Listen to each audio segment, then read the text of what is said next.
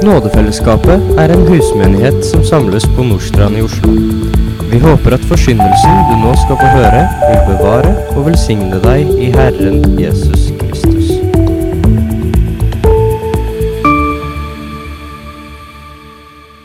La enten treet være godt og dets frukt god, eller la treet være dårlig og dets frukt dårlig. For på frukten skal treet kjennes. Ormeyngel, hvordan kan dere tale godt, dere som er onde? For det hjertet flyter over av det taler munnen. Et godt menneske bærer fram gode ting fra sitt gode forråd, og et ondt menneske bærer fram onde ting fra sitt onde forråd. Men det sier jeg dere, hvert unyttig ord som menneskene sier, skal de gjøre regnskap for på dommens dag. For etter dine ord skal du bli kjent rettferdig, og etter dine ord skal du bli fordømt. Kjære Herre, vi ber deg om at du nå får lov til å komme og tale til oss, slik at det ikke blir unyttige ord, Herre. I Jesu navn. Amen. Forrige søndag så, så vi på at jødenes avvisning av Jesus nådde på en måte sitt klimaks. Vi har snakka litt om det, at kapittel 12 er på en måte dette vannskillet i Jesus sitt liv i forhold til det å bli mottatt eller avvist av jødene. Det kom altså til et punkt der Jesu ord, hans liv, hans gjerninger vitna så sterkt om at han hadde en makt som ikke kunne komme fra mennesker. Fariseerne var på mange måter trengt altså opp i et hjørne, og de fikk altså panikk når de ble utfordra på hva de selv hadde sett og erfart om Jesus. Og De kunne altså ikke hevde at de ikke visste, uten å fremstå som ja, veldig svake intellektuelt sett, med veldig liten mental kapasitet, hvis man skulle liksom eh, påberope seg å ikke ha forstått eller ikke ha sett. Og de kunne likevel heller ikke la være å møte denne utfordringen fra Jesus uten at folket dermed ville konkludere automatisk med at ja, han er Messias. Så de er trengt oppi dette hjørnet så begynner de å opptre fullstendig irrasjonelle, fullstendig ulogiske, og så beskylder de altså Jesus for å være fylt av kraft fra Satan. Og De spotta dermed Den hellige ånd, sannhetens ånd, selv om ånden altså hadde gitt bevis som gjorde at de nå var uten unnskyldning. Og Dermed så hadde de altså begått en synd som de ikke fikk tilgivelse for. og Det forklarer litt av Jesus sine ord i dagens tekst. Når vi går vers for vers gjennom Skriften, sånn som vi gjør, så kan vi altså oppleve at det periodevis kan bli en god del alvorlige tekster som kommer etter hverandre på søndager. Tekster som utfordrer oss kanskje mer enn de, de trøster. Tekster som er mer undervisende enn de er sjelesørgeriske. Og Så kan vi også sitte med på en måte forskjellige behov, og så må vi likevel forholde oss hele tiden til det den teksten faktisk sier når vi gjør det på denne måten. I møte med dette her, i forhold til å forstå hvordan Jesus altså kan være såpass hva skal vi si, hard som det vi kan oppleve han er i noen av disse tingene som vi leser om i kapittel 12, da må vi på en måte forstå at Jesus han kom med et budskap til et folk, til en nasjon som hadde hatt en relasjon med Gud i 2000 år. Helt fra Abraham. En relasjon som hadde gått opp, den hadde gått ned. De hadde hatt tider med vekkelse, de hadde hatt tider med frafall. Jesus han talte til et folk der jødedommen fortsatt var kulturelt viktig, om du vil si det på den måten, men der altså den hadde spora fullstendig av. Han måtte altså sette folket på plass og undervise dem om hva som var rett. Han, hva som egentlig var Guds vilje. Hvilken situasjon folket egentlig befant seg i. Og her var det store problemet.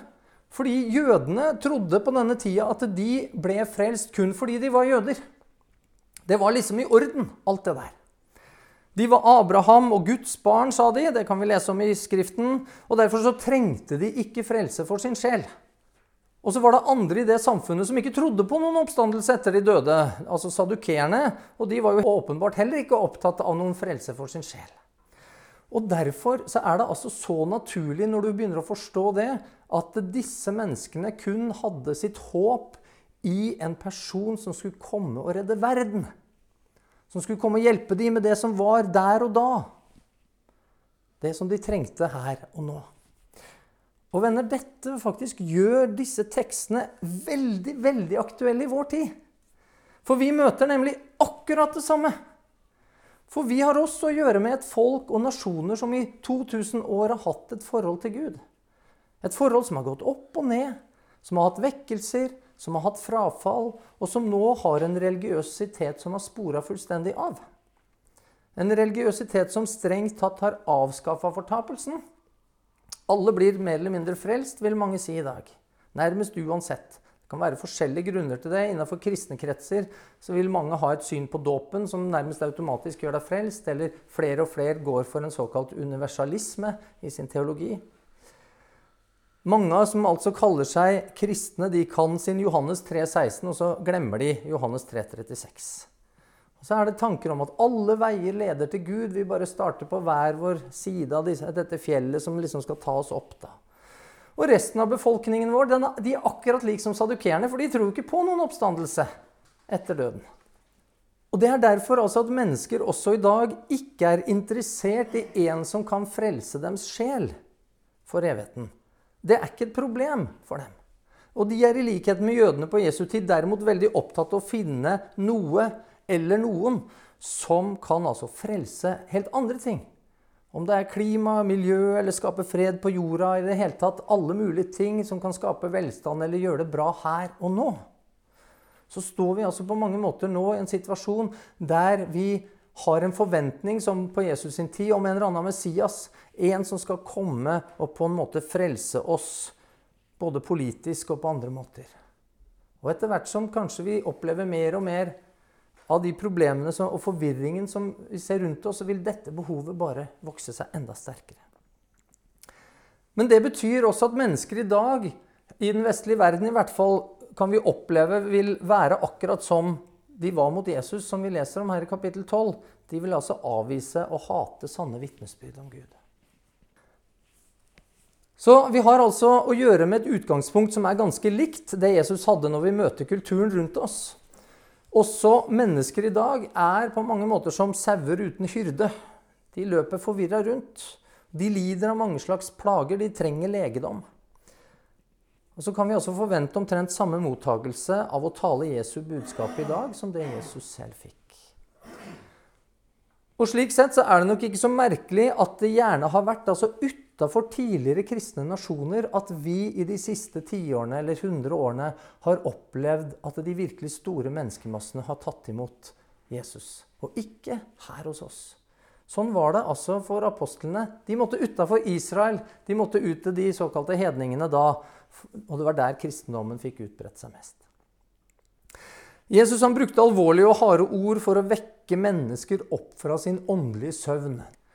Og så er jo altså Vårt folk og nasjon er på mange måter også tulla inn i en åndelig søvn og trenger også å bli vekka opp for de åndelige og evige realitetene som Jesus trekker fram i dagens tekst.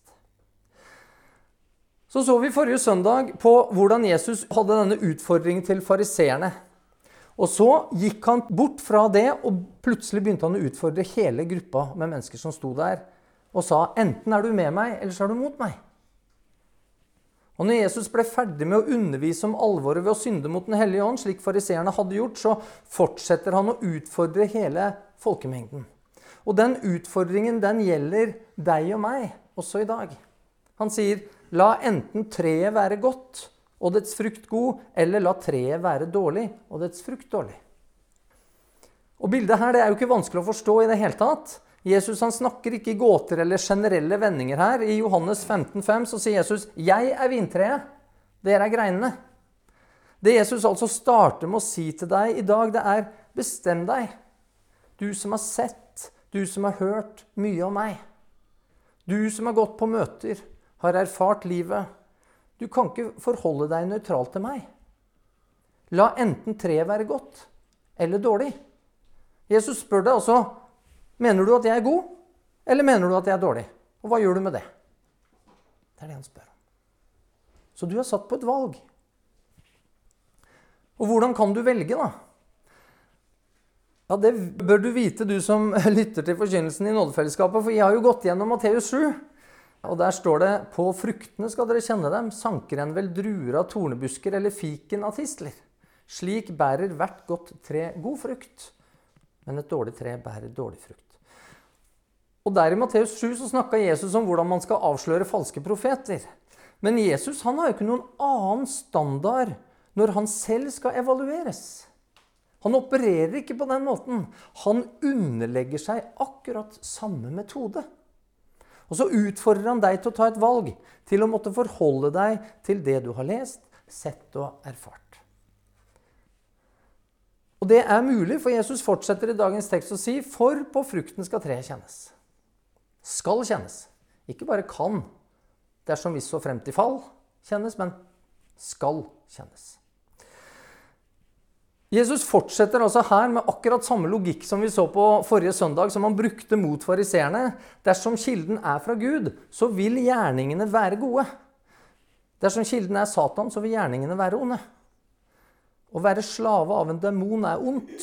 Å være slave av menneskebud er ondt. Å fri mennesker fra besettelse og sette mennesker fri fra falske bud er godt. Frukten av Jesu liv er altså god. Og det var helt innlysende da, og derfor så ble det så tydelig at fariseerne på mange måter dummet seg ut og så avslørte seg selv ved å hevde at frukten var ond. Men det som blir iøynefallende for meg, det er at det er ingen selvfølge at mennesker i dag vil komme til en annen konklusjon enn fariseerne.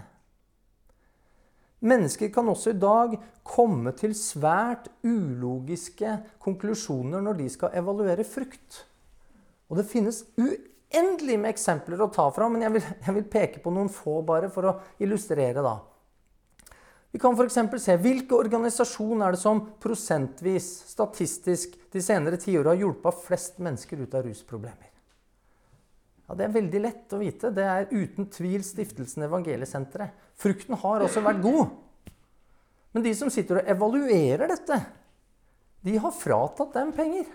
Og så har de gitt dem til andre tiltak som ikke er i nærheten av å bære det samme type frukt. Det er irrasjonelt. Hvilke organisasjoner har klart å bruke mest av ressursene de har mottatt på faktisk hjelp til trengende rundt omkring i verden, om det ikke tradisjonelt har vært misjonsorganisasjonene? Organisasjoner som i, i, hvert fall tidligere hadde liten administrasjon, lave lønninger og svært lojale og trofaste medarbeidere ute på feltene som, som beherska språket. Og så så på det de gjorde, som et livskall. Det var ikke noe karrierevalg. Likevel så er mesteparten av pengene blitt kanalisert gjennom administrativt tunge, dyre og mer eller mindre korrupte organisasjoner, der de som bevilger pengene, gjerne kommer inn og inntar ledende posisjoner i de samme organisasjonene når de har en liten pause fra sitt politiske liv. De siste tiårene har mange i Vesten begynt å ville evaluere til og med historisk frukt ut fra nåtidens dogmer og forutsetninger. Ikke basert på samtidens ideer og muligheter. Og På den måten så har vi altså klart det kunststykket å dømme tidligere tiders helter som onde. Og egen kulturelle historie og identitet har vi dømt nord og ned. På tross av alt det gode som det brakte med seg. Det er òg fullstendig irrasjonelt.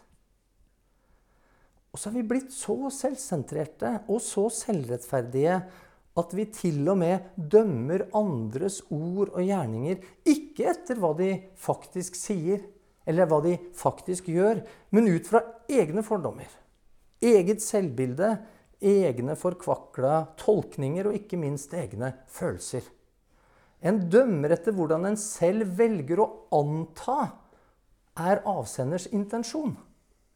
Selv om avsender vil si at det ikke stemmer. Hvis dere har hørt om mikroaggresjon, f.eks. Det er sånn du sier noen ord, og så opplever mottakeren noe helt annet enn det du sier. Men det er jo mottakeren som har rett, av en eller annen grunn. Og på den måten så har altså postmodernismen, da, som er jo en del av dette, gjort subjektive erfaringer til dommer over hva som er god frukt. Og ikke objektive og etterprøvbare kriterier. Og det igjen, venner, det er irrasjonelt. Det er irrasjonelt. Moderne mennesker er altså på mange måter blitt veldig like fariseerne i så måte. Og slikes konklusjoner rundt hva som er godt og ondt, er altså ramma av samme irrasjonalitet og manglende logikk som det som prega dem som beskyldte Jesus for å handle på vegne av Satan. Og så er det likevel få i dag, om noen, som vil hevde at Jesu gjerninger kommer fra Satan.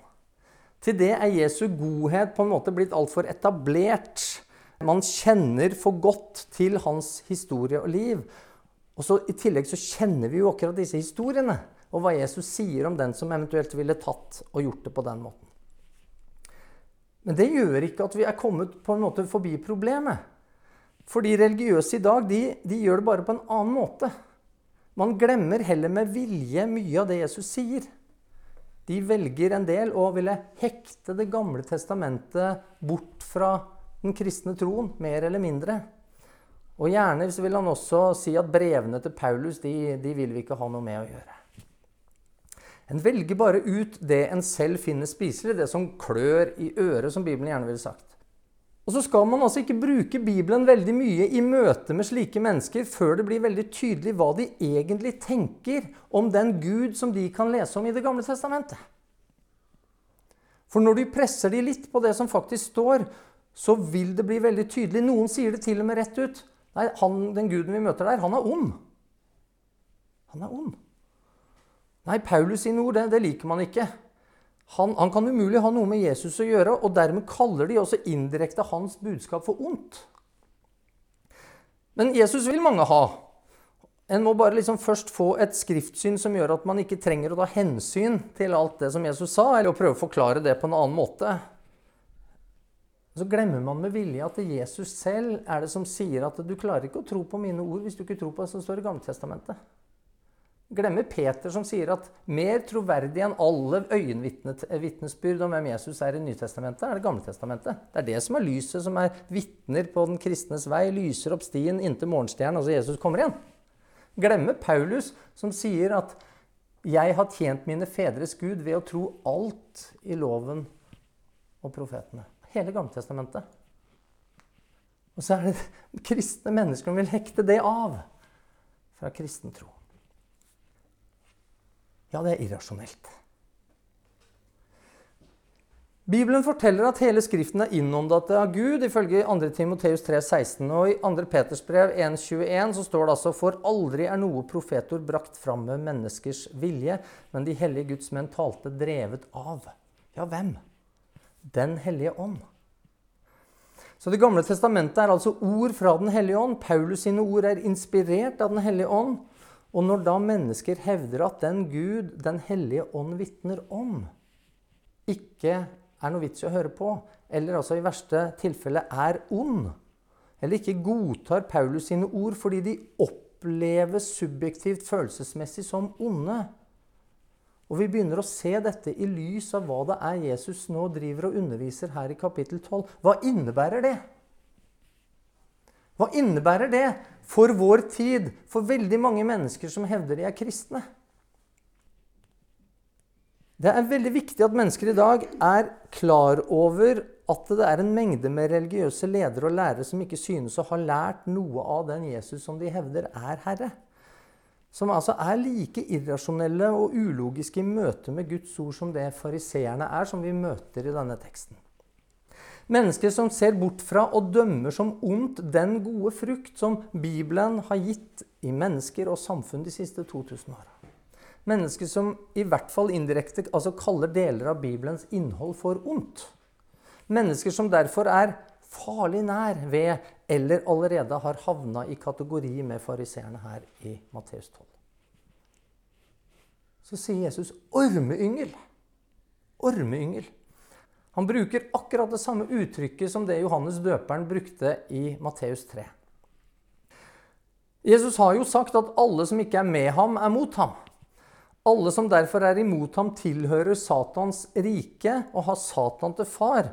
Og dette gjelder ikke da spesielt for fariseerne, men for alle som ikke har sagt et klart ja til å være med Jesus. Til å la han få lov til å være herre og som ikke lar altså hele Guds ord være øverste autoritet for liv og lære.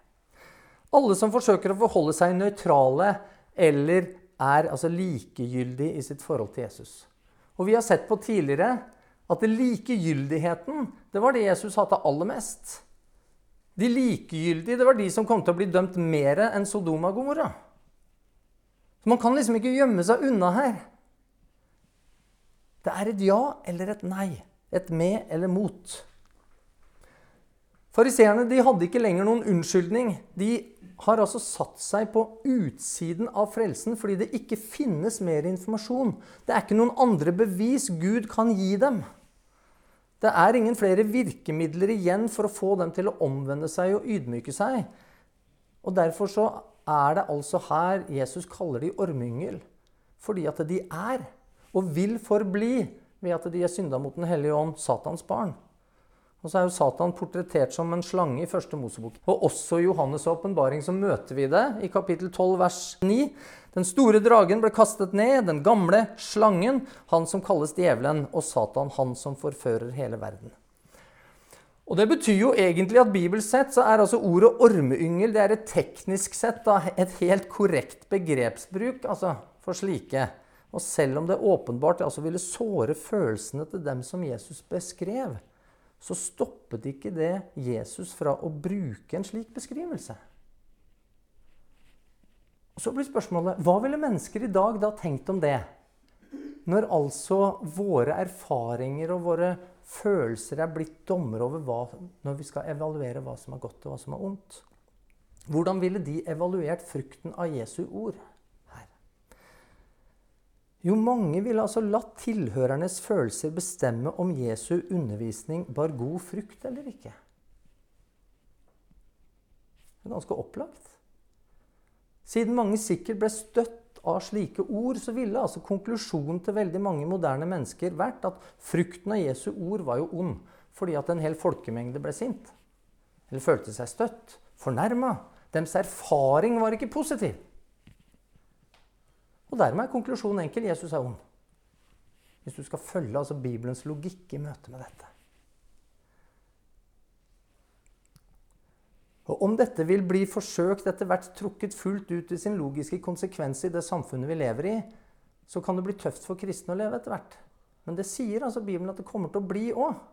Så det er ikke helt utenkelig at det samfunnet som er så lik det som det var på Jesus' tid, vil begynne å erfare noe av det samme. Og Denne måten å evaluere ord og lederskap er dessverre veldig mye brukt blant kristne i dag. Og den er altså livsfarlig, for den vil veldig raskt kvitte seg med de menneskene som snakker sant. Og så vil de erstatte den med mennesker som aldri burde stått på en talerstol eller hatt lederroller. Bare fordi at de får folk til å føle seg bra, erfare noe positivt. Sanne objektive kriterier tilsier at det Jesus gjorde, var godt fordi han snakka om mennesker som altså ikke lenger hadde mulighet til å omvende seg. Det er virkeligheten om de menneskene Jesus her snakker om. Hans beskrivelse av dem er altså korrekt. Det var sant. De var ormeyngel. Og Jesus han bruker kraftige ord for at alle som hørte det da, og alle som siden har lest dette, ikke skal la seg forføre av slike, og dermed kunne bli frelst. Så når man også bruker sanne kriterier på å evaluere frukten, så er den åpenbart god. Det er ingen tvil om det. Jesus har menneskers frelse i tanke også her. Gud vil ikke at noen skal gå fortapt. Menneskers opplevelser de er aldri jeg vil understreke aldri en god målestokk for å konkludere med noe som helst. Og dette gjelder i enda større grad i spørsmål om hva som er godt, og hva som er ondt. Bør vi ta hensyn til det? Ja. Bør vi lytte? Ja. Bør vi ta ting på alvor? Ja. Men menneskers opplevelse og erfaring er isolert sett en veldig dårlig målestokk for å etablere sannhet. Ofte så vil derimot mennesker trenge at deres opplevelser, deres erfaringer, deres følelsesliv At det blir korrigert i lys av hva som er virkelig. I lys av sannheten fra Guds ord. Men dette er jo ikke slik som moderne mennesker liker å høre det, eller tenker at er rett. For det er min opplevelse som danner sannhet for meg. Hvordan kan dere tale godt, dere som er onde? For det hjertet flyter over av, det taler munnen. Et godt menneske bærer fram gode ting fra sitt gode forråd, og et ondt menneske bærer fram onde ting fra sitt onde forråd. Jesus stiller her et retorisk spørsmål, og både ut fra det han allerede har sagt, og ut fra hvordan han altså formulerer dette spørsmålet, så er svaret egentlig gitt på forhånd, sånn som det gjerne er da med sånne typer spørsmål, og svaret er nei. Mennesker som er onde, som altså står under Satans makt, kan ikke tale godt. Det Jesus underviser her, er det få kristne jeg har møtt som faktisk har tatt til seg, og som faktisk på en måte bruker inn i livet sitt. Jeg vet ikke hvor ofte jeg har hørt mennesker unnskylde på en måte en prest eller en annen type forkynner eller en kristen leder som går god for en del ting som Bibelen f.eks. avviser, eller Gud kaller avskyelig, eller som holder åpent kan holde med mennesker som har vitna eller profetert falskt. Og så vil de si da at ja, men han, han er så hyggelig. Han, han sier jo så mye bra og rett også. Og Dersom slike ting altså er kriterier, så har vi et ganske stort problem. For Jesus han sier til folket i Matteus 23.: På Moses stol sitter de skriftlærde og fariseerne. Alt som de sier til dere, skal dere derfor gjøre og holde. Betyr det at Jesus nå plutselig går god for dem tross alt? at fordi de sier noe som er rett, så kan vi la de være åndelige ledere og veiledere for oss. Er det det Jesus mener her? Nei, Jesus bruker resten av kapittel 23. altså det, det er det mest lange hudflettinga du kan lese omtrent i hele Bibelen. Han bruker hele kapitlet til å bare gi dem det glatte lag. Og så kaller han dem blinde veiledere. Og Det de lærte rett etter Moses, det kunne man gjøre, det kunne man holde. Men det var jo ikke pga. dem, men det var fordi den autoriteten sa at det kom fra Moses. Og så sier Jesus, men gjør ikke etter gjerningene deres. Ta ikke etter deres menneskelære. Ta ikke etter dems hykleri. En burde altså ha Skriften, det Moses hadde skrevet som rettesnor for liv og lære, er det Jesus egentlig sier. Grunnen er at de som er av den onde, nok kan si en god del ting som er rett. En del ting som føles bra. Men de vil aldri ha ord som på ekte vis kan virke oppbyggende åndelig sett. Det går ikke. Bare ord som menneskelig sett altså kan oppleves oppbyggende eller bra. Åndelig sett så er det onde ord. Det er konsekvensen av Jesus sin logikk her. Og Derfor så er det veldig farlig å stå eller la seg selv sitte under slike ord. Slike mennesker som sitter under slike ord, kan bli veldig religiøse. De kan bli veldig fromme. De kan bli veldig brennende. Og Jesus han gjør et poeng ut av det på slutten av kapittel 23. Og så sier han ved dere skriftlærde og farisere, dere hyklere som farer omkring over hav og land for å vinne en eneste tilhenger. Da er du ganske brennende. Sant? Jeg vet ikke om du farer over hav og land for å fortelle om Jesus, men gjorde, disse fariseerne gjorde det for å fortelle om sin egen menneskelære. Og når altså prøve å vinne da en eneste tilhenger altså Da igjen, da er du ganske brennende altså hvis du gjør det bare for å få én tilhenger. Og når han er blitt det, gjør dere ham til et helvetes barn. To ganger verre enn dere selv. Fariseerne var også ivrige, brennende og sto på. Og deres unge konvertitter ble to ganger verre. Og da kan du oppleves from. Da kan du oppleves som du er i fyr og flamme for både det ene og det andre, også for Jesus, hvis det er det.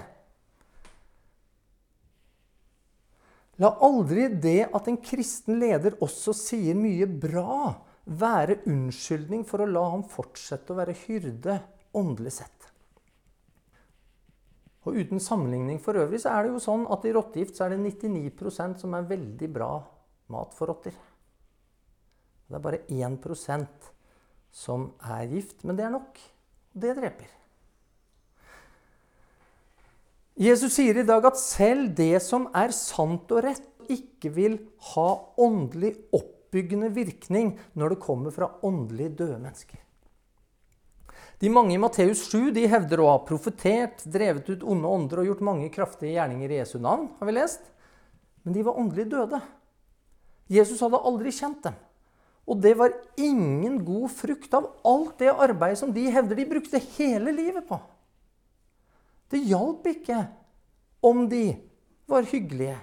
Det hjalp ikke om de sa mye som også var sant og rett. Nei, det hjalp ikke at de åpenbart snakka mye om Jesus, for de gjorde det i Jesu navn. står det. Det hjertet flyter over av det taler munnen. Ja, det vil altså påvirke selv tale om den synes aldri så from. Det går ikke an å skjule hjertets kilde. Det vil flyte over på en eller annen måte. Og det er derfor det er mulig å kjenne frukten. Du skal kjenne frukten. Derfor har jeg litt lyst til å gi dere et konkret eksempel. Slik at dere skjønner litt mer om hva denne Jesu lære på mange måter da handler om. Eh, nylig så ble det avslørt at det er en som heter Mike Bickle, at han i flere tiår hadde drevet med seksuell utnyttelse av flere kvinner. Og Mike Bickle er ikke sikkert dere vet hvem er, men han starta noe som heter IHOP, eller det som står for International House of Prayer. Og veldig mange nordmenn har vært der borte, de har lovprist dette arbeidet og besøkt hans senter, Procla Media. Ungdom i Oppdrag sitt forlag de gir ut hans bøker fortsatt. Jeg var inne og dobbeltsjekka det i dag, bare for å se. Og Nasjonalt bønneråd har liksom sett opp til han, og osv. Sammen med mange andre i en del kristne settinger så hadde altså Mike Bickel selvsagt fått et ord fra Gud. Og dette ordet fortalte han altså ifølge et av hans ofre opp mot 100 ganger til, til en av disse kvinnene. En kvinne som på det tidspunktet var gift med en annen mann. Og dette ordet som angivelig skulle da komme fra Gud, handlet om at hun skulle gifte seg med han, og at eh, han, Mike Bickel sin kone skulle dø. Det var det han hadde sagt til denne kvinnen. Og Slik så innleda han altså et forhold til denne kvinnen og plasserte henne i en leilighet som han eide, mens han fortsatt var gift selv. De hadde et forhold gående i flere år og gifta seg jo aldri. Eh, hun ble jo skilt, og det ble ikke noe med de, og Mike Bickel sin kone døde heller ikke. Så her har vi å gjøre altså med en åpenbar falsk profet, hvis du skal gå etter Bibelens kriterier. En mann som passer altså som hånd i hanske med det vi kan lese om i 1. Timoteus 4,2. Hykleri av falske lærere som er brennemerket i sin egen samvittighet. Og Mike Bickel han må åpenbart ha vært brennmerket i egen samvittighet pga. at han altså levde i hor, han hykla, han løy og han profeterte falskt. Og dette må komme ut. For det hjertet er fylt av det taler munnen. Det er bare det at kristne mennesker har en tendens til å tale så åndelig at det blir noen ganger litt vanskelig for oss å legge merke til det. Og Derfor så gikk jeg da i egne undersøkelser her og hørte en tale. Og I denne talen så hadde altså Mike Bickle igjen fått et ord da fra, fra Herren, et profetisk ord. Og Gud hadde altså lagt han på hjertet å si noe som jeg da her parafraserer. Fra denne dagen og fremover skal jeg også Da sier han Gud. Han snakker på vegne av Gud. Voldsom autoritet, ikke sant? Jeg skal slippe løs nåden av immunitet. Dersom en angrer på umoralen, eller for å ha tolerert umoral, så skal Gud la en slippe dårlig samvittighet og, og få oppleve frihet, slik at du kan gå til nattvær. Fordi Gud altså da vil slippe løs nåden av immunitet. Men det høres jo flott ut. Hva er gærent med det? Det er jo gode ord. Det kan skape gode følelser hos mennesker. Ja, la dem få lov til å slippe av dårlig samvittighet fordi Gud skal gi dem noe ekstra. Noe som gir dem immunitet i møte med dårlig samvittighet, i møte med dom, i møte med det de selv kjenner på. Bare de altså først angrer på umoral. Ja, det høres da fint ut. Problemet er jo bare at det er fullstendig ubibelsk. For all nåde et menneske trenger, den fins allerede. Den ble sluppet løs ved soningsdøden på korset og Jesu oppstandelse for 2000 år siden.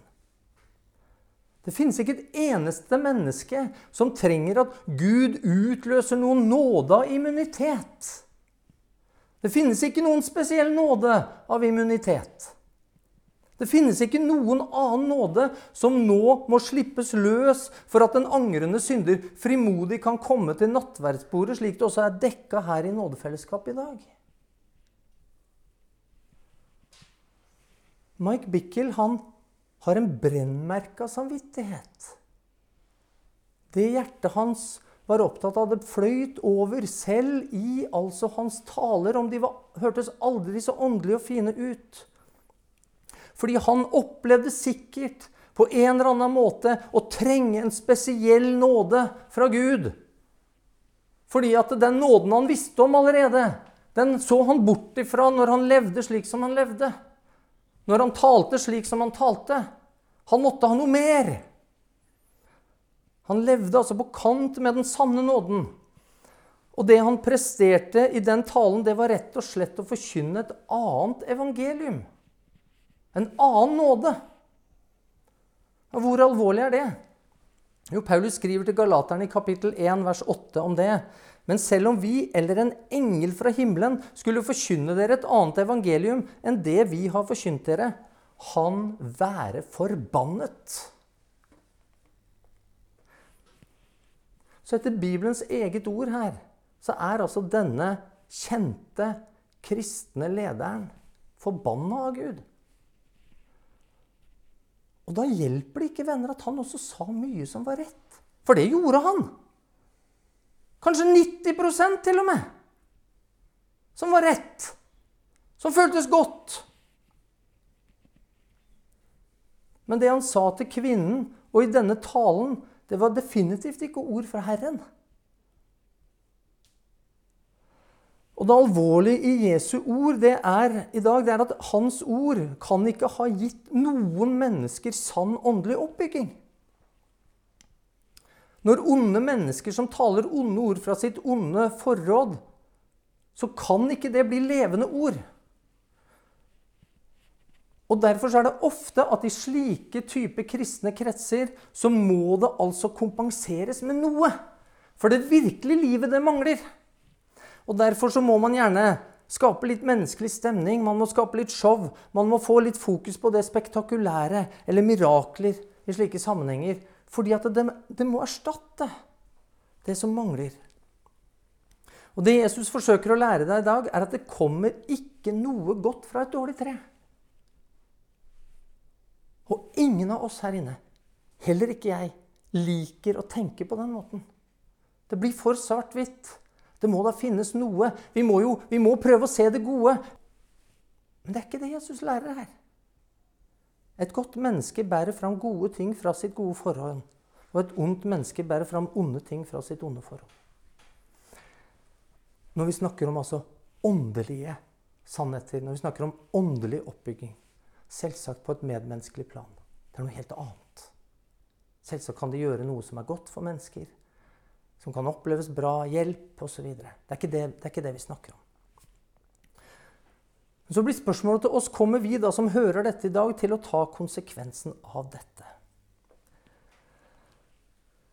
Men jeg sier dere hvert unyttig ord som menneskene sier, skal de gjøre regnskap for på dommens dag.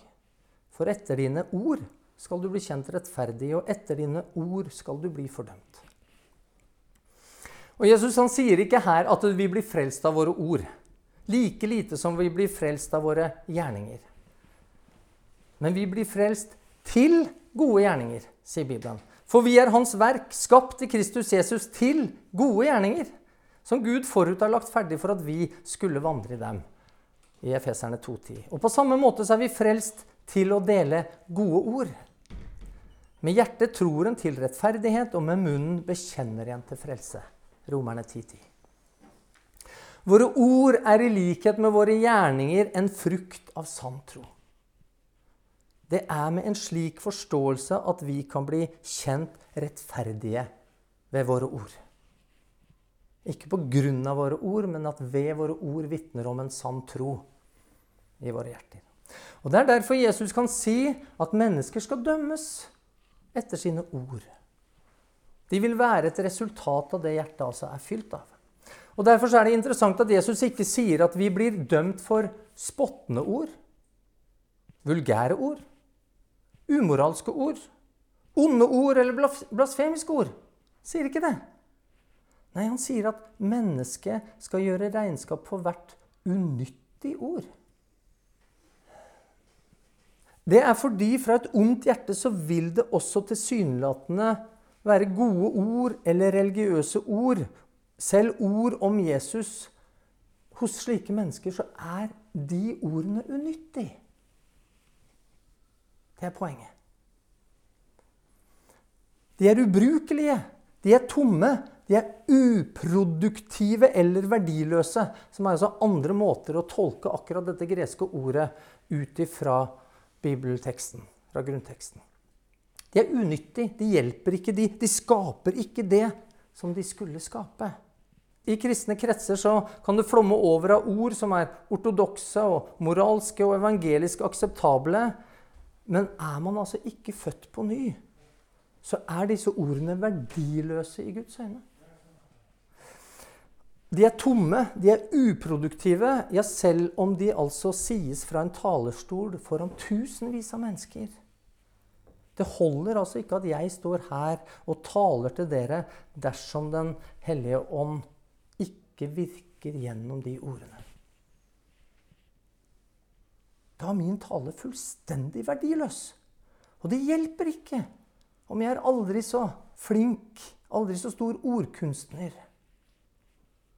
Aldri så dyktig til å få deg til å erfare, oppleve eller føle noen ting. For dine følelser er ikke en god målestokk. Men vokser du i kjennskap? Vokser du i kunnskap? Ikke minst vokser du i kjærlighet til Jesus. Vokser du i kjærlighet til Jesus av de menneskene som kaller seg kristne, som du er rundt? Vokser du i kjærlighet til Jesus av den pastoren du lytter til? Av de ordene som mennesker rundt deg sier, av de ordene som din pastor bruker, vokser du i kjærlighet til Jesus? En kristen sin tale skal reflektere det forvandlende arbeid som Gud gjør i våre hjerter. Og Pga. vår menneskelige svakhet så trenger vi også å vedlikeholde dette hele tida. Det kjenner jeg sterkt på selv. En kristen han vil arrestere tankene sine. Han vil gjennomgå hva man lytter til av musikk, ser på av film, TV og dataunderholdning, hvordan man bruker sin tid. En kristen må ta seg i det umiddelbart dersom det kommer ord over ens lepper som skulle vært usagt. Og Enten det er i form av noe vulgært eller noe ondt eller umoralsk, enten det er banning, baksnakking eller misbruk av Guds navn. Og om det er blitt slik for oss at det er blitt en vane, og at vi ikke merker det selv, for det kan hende det, så trenger vi altså formaning fra våre brødre og søstre. Så trenger vi ydmykhet til å lytte til dem og hjelp fra Gud til å kunne legge det bort. Og dette, dette er kontinuerlig arbeid. Jeg sliter med dette. her. Jeg kan tenke ting som jeg aldri har sagt en eneste gang i mitt liv. Et ord som jeg aldri har uttrykt fra mine lepper, men det, det ligger der. Og Hvis ikke jeg arresterer det, hvis ikke jeg jobber med mine tanker og holdninger til dette, så vil etter hvert det som hjertet da jeg lar hjertet bli fullt av, det vil begynne å strømme ut av meg på et eller annet tidspunkt. Om ikke før enn at jeg blir senil og gammel og ligger der på gamlehjemmet. Men det vil komme. David han beskriver hvor viktig dette er når han i Salme 141, 3 skriver Herre, sett vakt for min munn. Vokt mine leppers dør. Så har altså Jesus satt oss på valg. Vil vi erkjenne at han er god? Og gjør vi det, så vil vi bruke hans ord, som er gode ord, som standard for å evaluere hva som er god frukt. Det må være hans ord som vi bruker for å evaluere. Da er det ikke våre erfaringer og, og, følelser som styrer. For de kan ikke styre hvis Jesus er herre. Da er det han som må styre. Og bare på den måten så kan vi selv få ord som gir liv. Ord som ikke er nytteløse, uviktige, tomme, ubrukelige, verdiløse.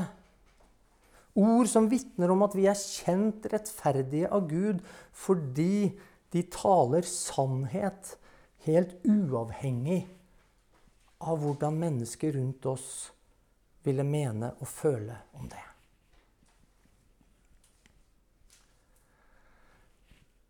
Kjære Herre, vi takker deg for ditt ord.